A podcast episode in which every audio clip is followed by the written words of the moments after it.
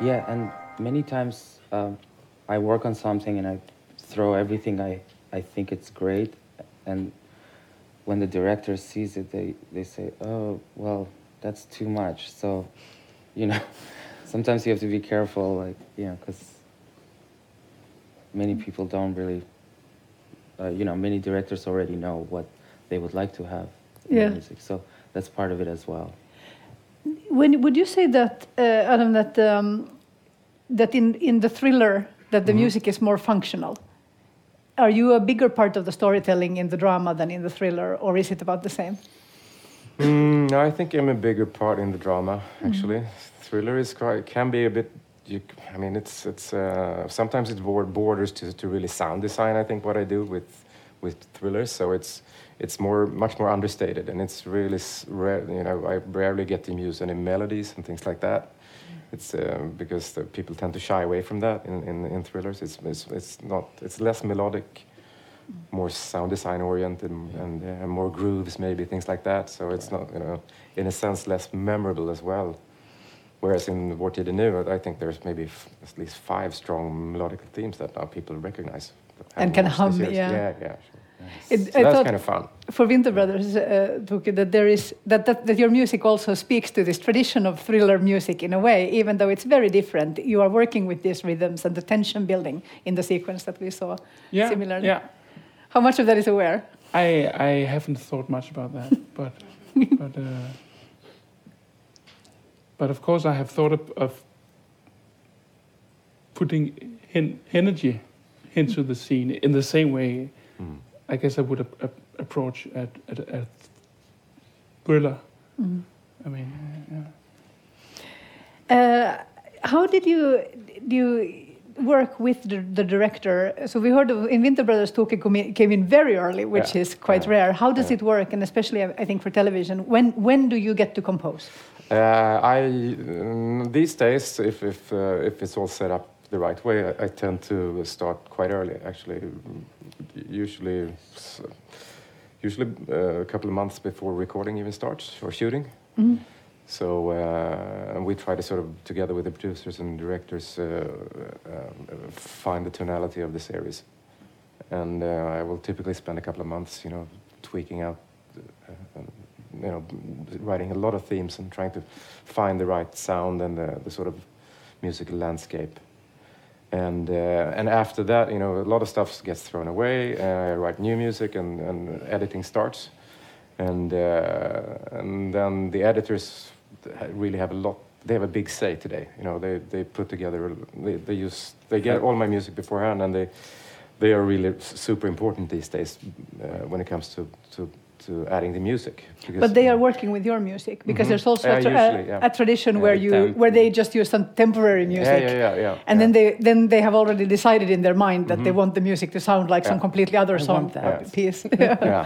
The nice thing about starting early is that you move away from that. So they usually use my music. Sometimes they will occasionally, if they if there's a special rhythm or a, s- or so, a mood that they can't find in my library, they will they will sometimes smack on something completely different and get I, they send it to me and say, okay, can you do something like this but with your sounds and sort of with your tonality.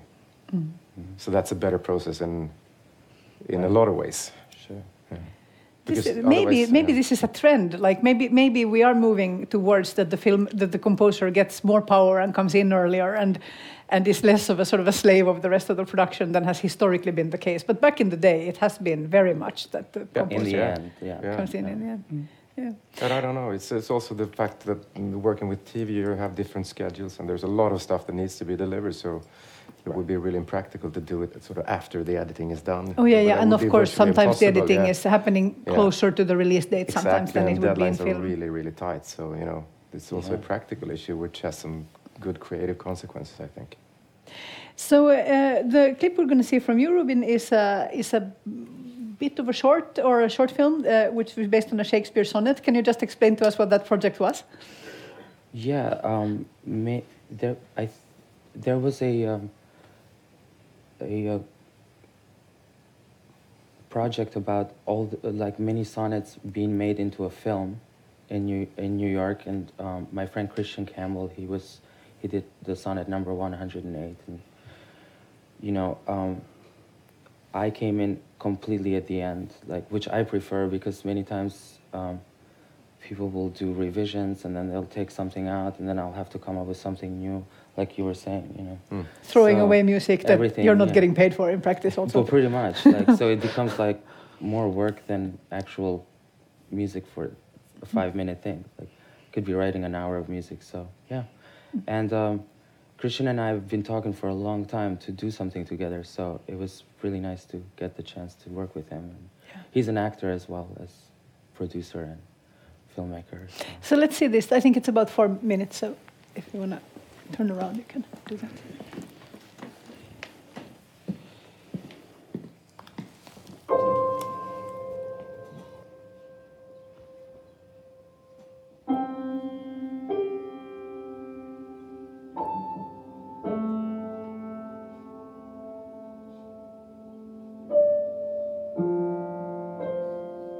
What's in the brain that ink me character which hath not figured to thee my true spirit?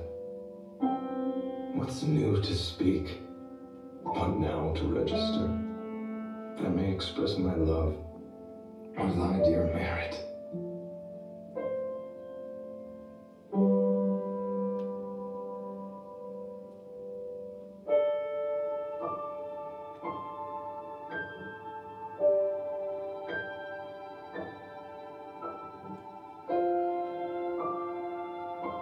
Nothing, sweet boy.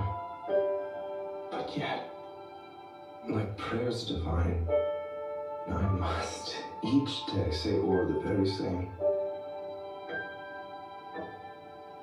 Counting no old thing old.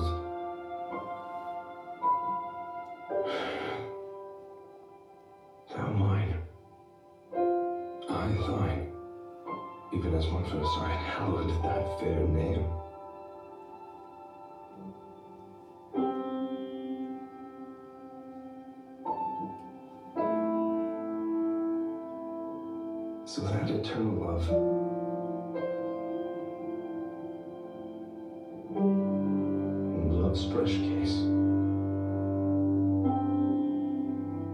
Is not the dust and injury of age,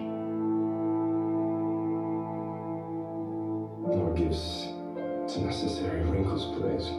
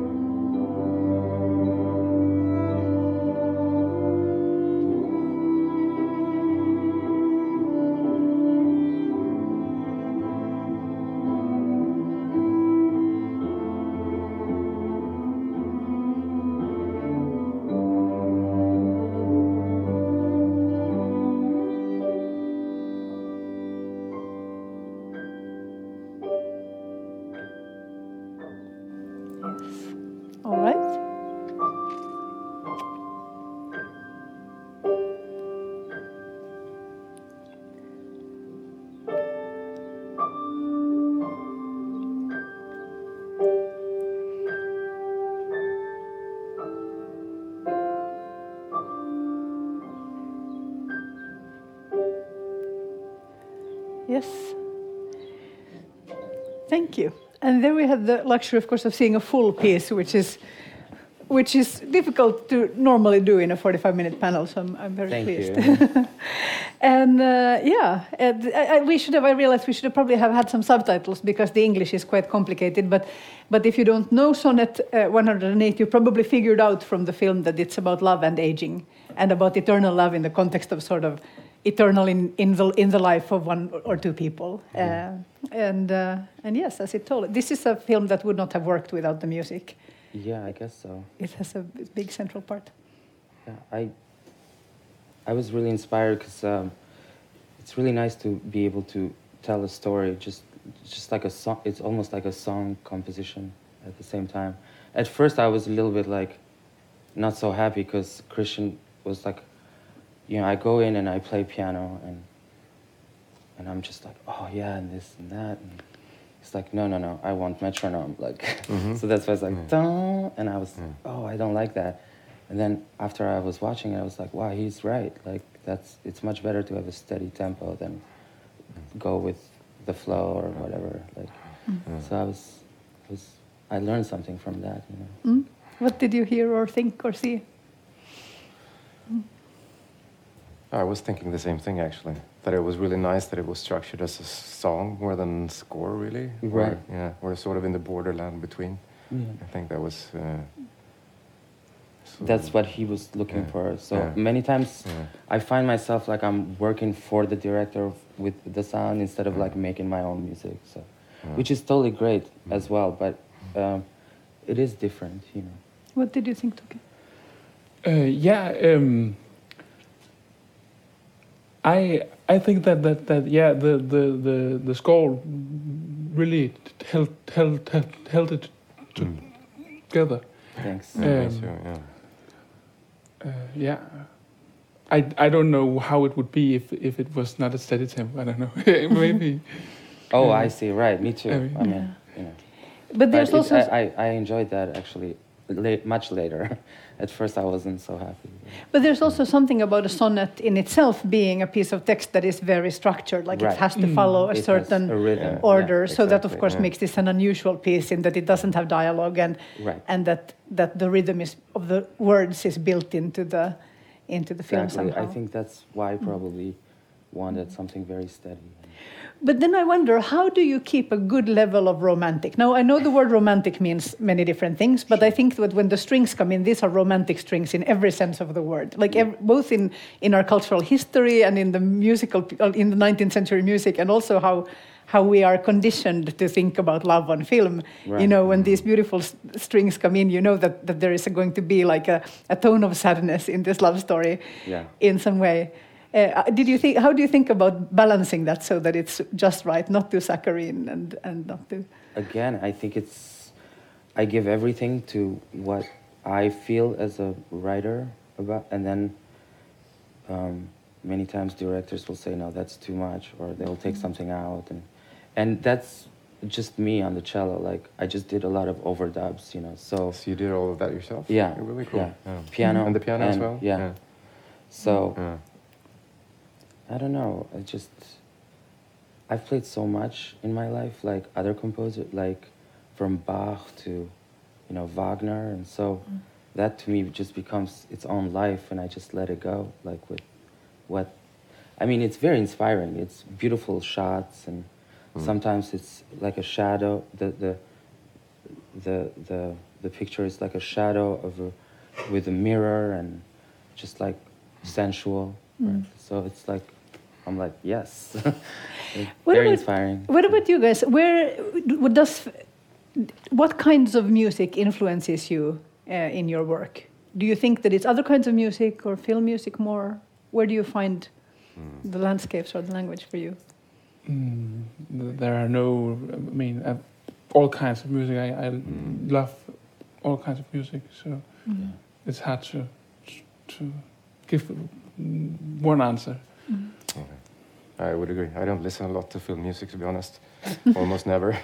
I mean, I do check out some new scores every now and then. It's like, okay, what did so and so did for that movie? Do for that right, movie? you Because I think find it's, out. Yeah. And I go through Spotify, but it's just usually, usually like, like I skip through the tracks and like I, I never listen to a full album of film music. But uh, but it, right now, I've uh, the last couple of years, I've been quite inspired by electronic music. So uh,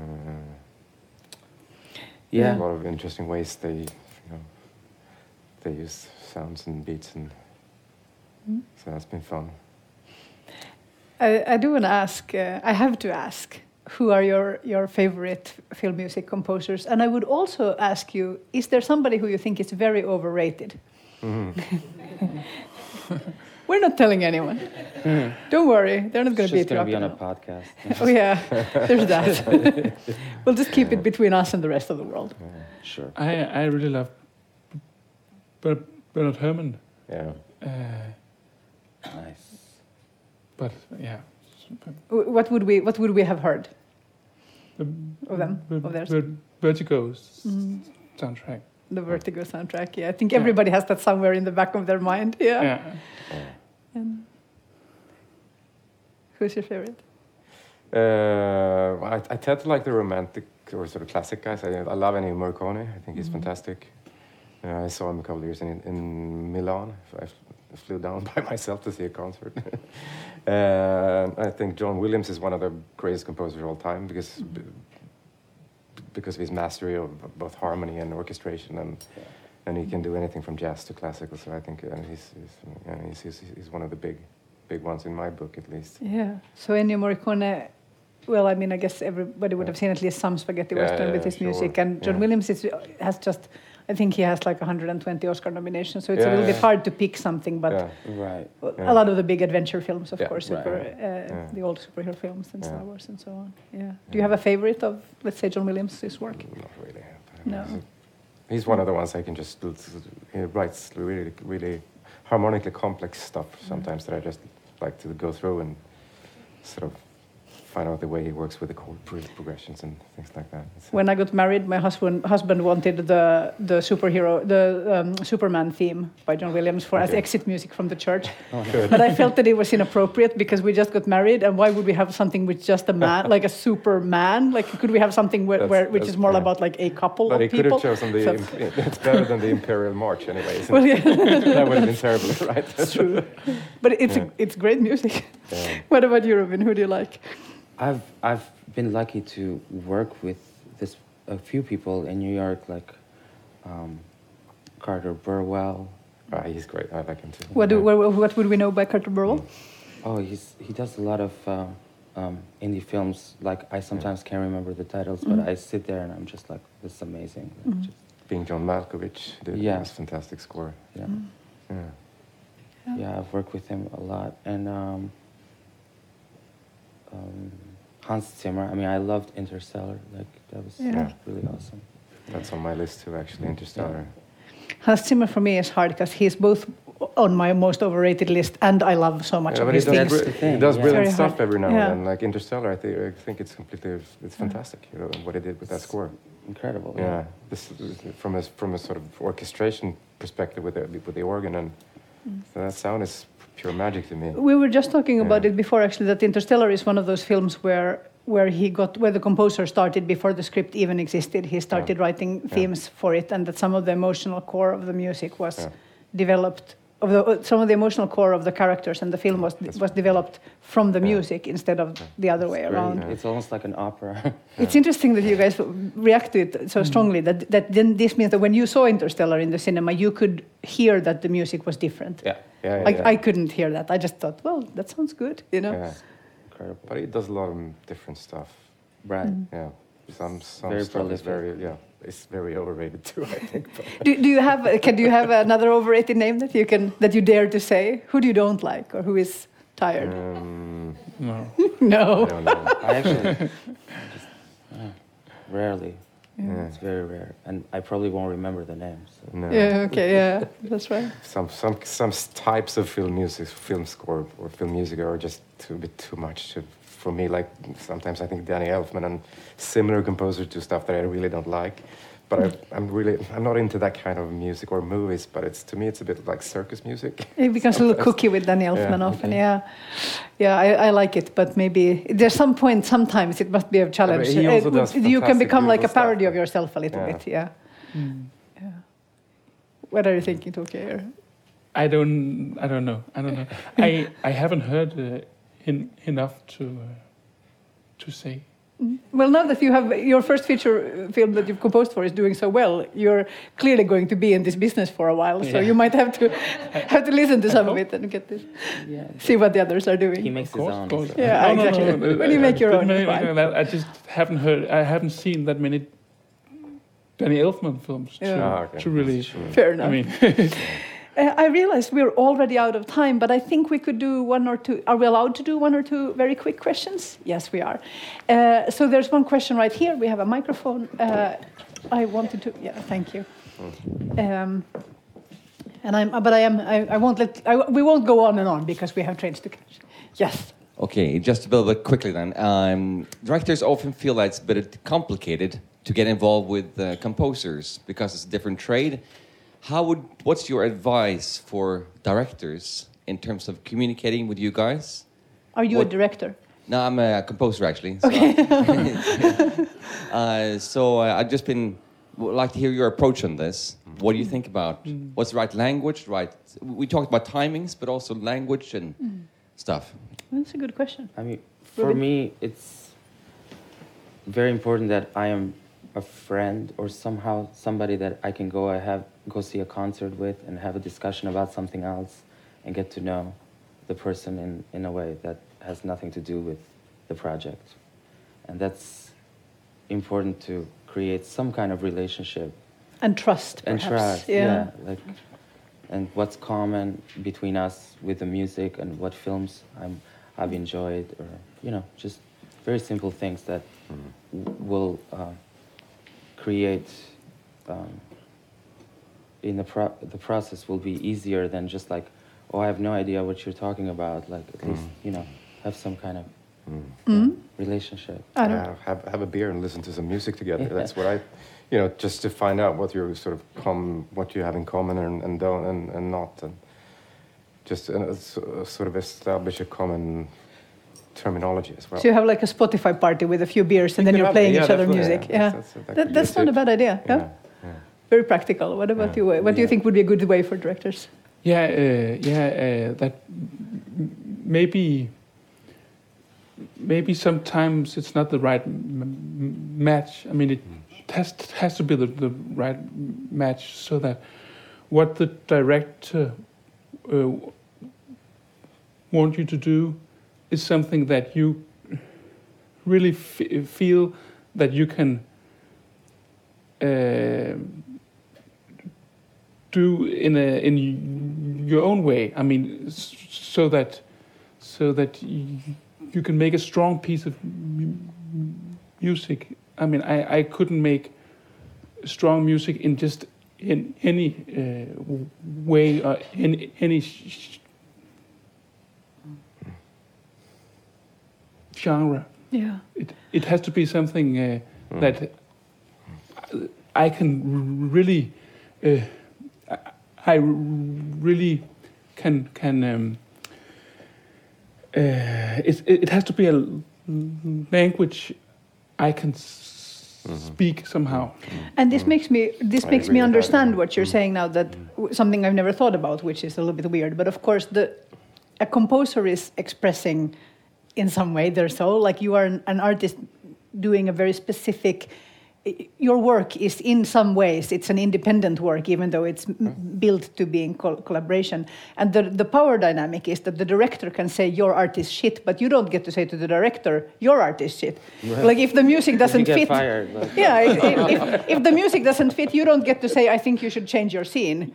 Right. But they get to say, I think you should change your music. that's the- As you get more involved, you can actually have comments on on editing and stuff like that. If you're Right. yeah. If you've had a lot of beers together and gone to a lot of concerts, Yeah. then maybe. That's yeah. right. Do we have one more, one more question from the audience right there? Yeah.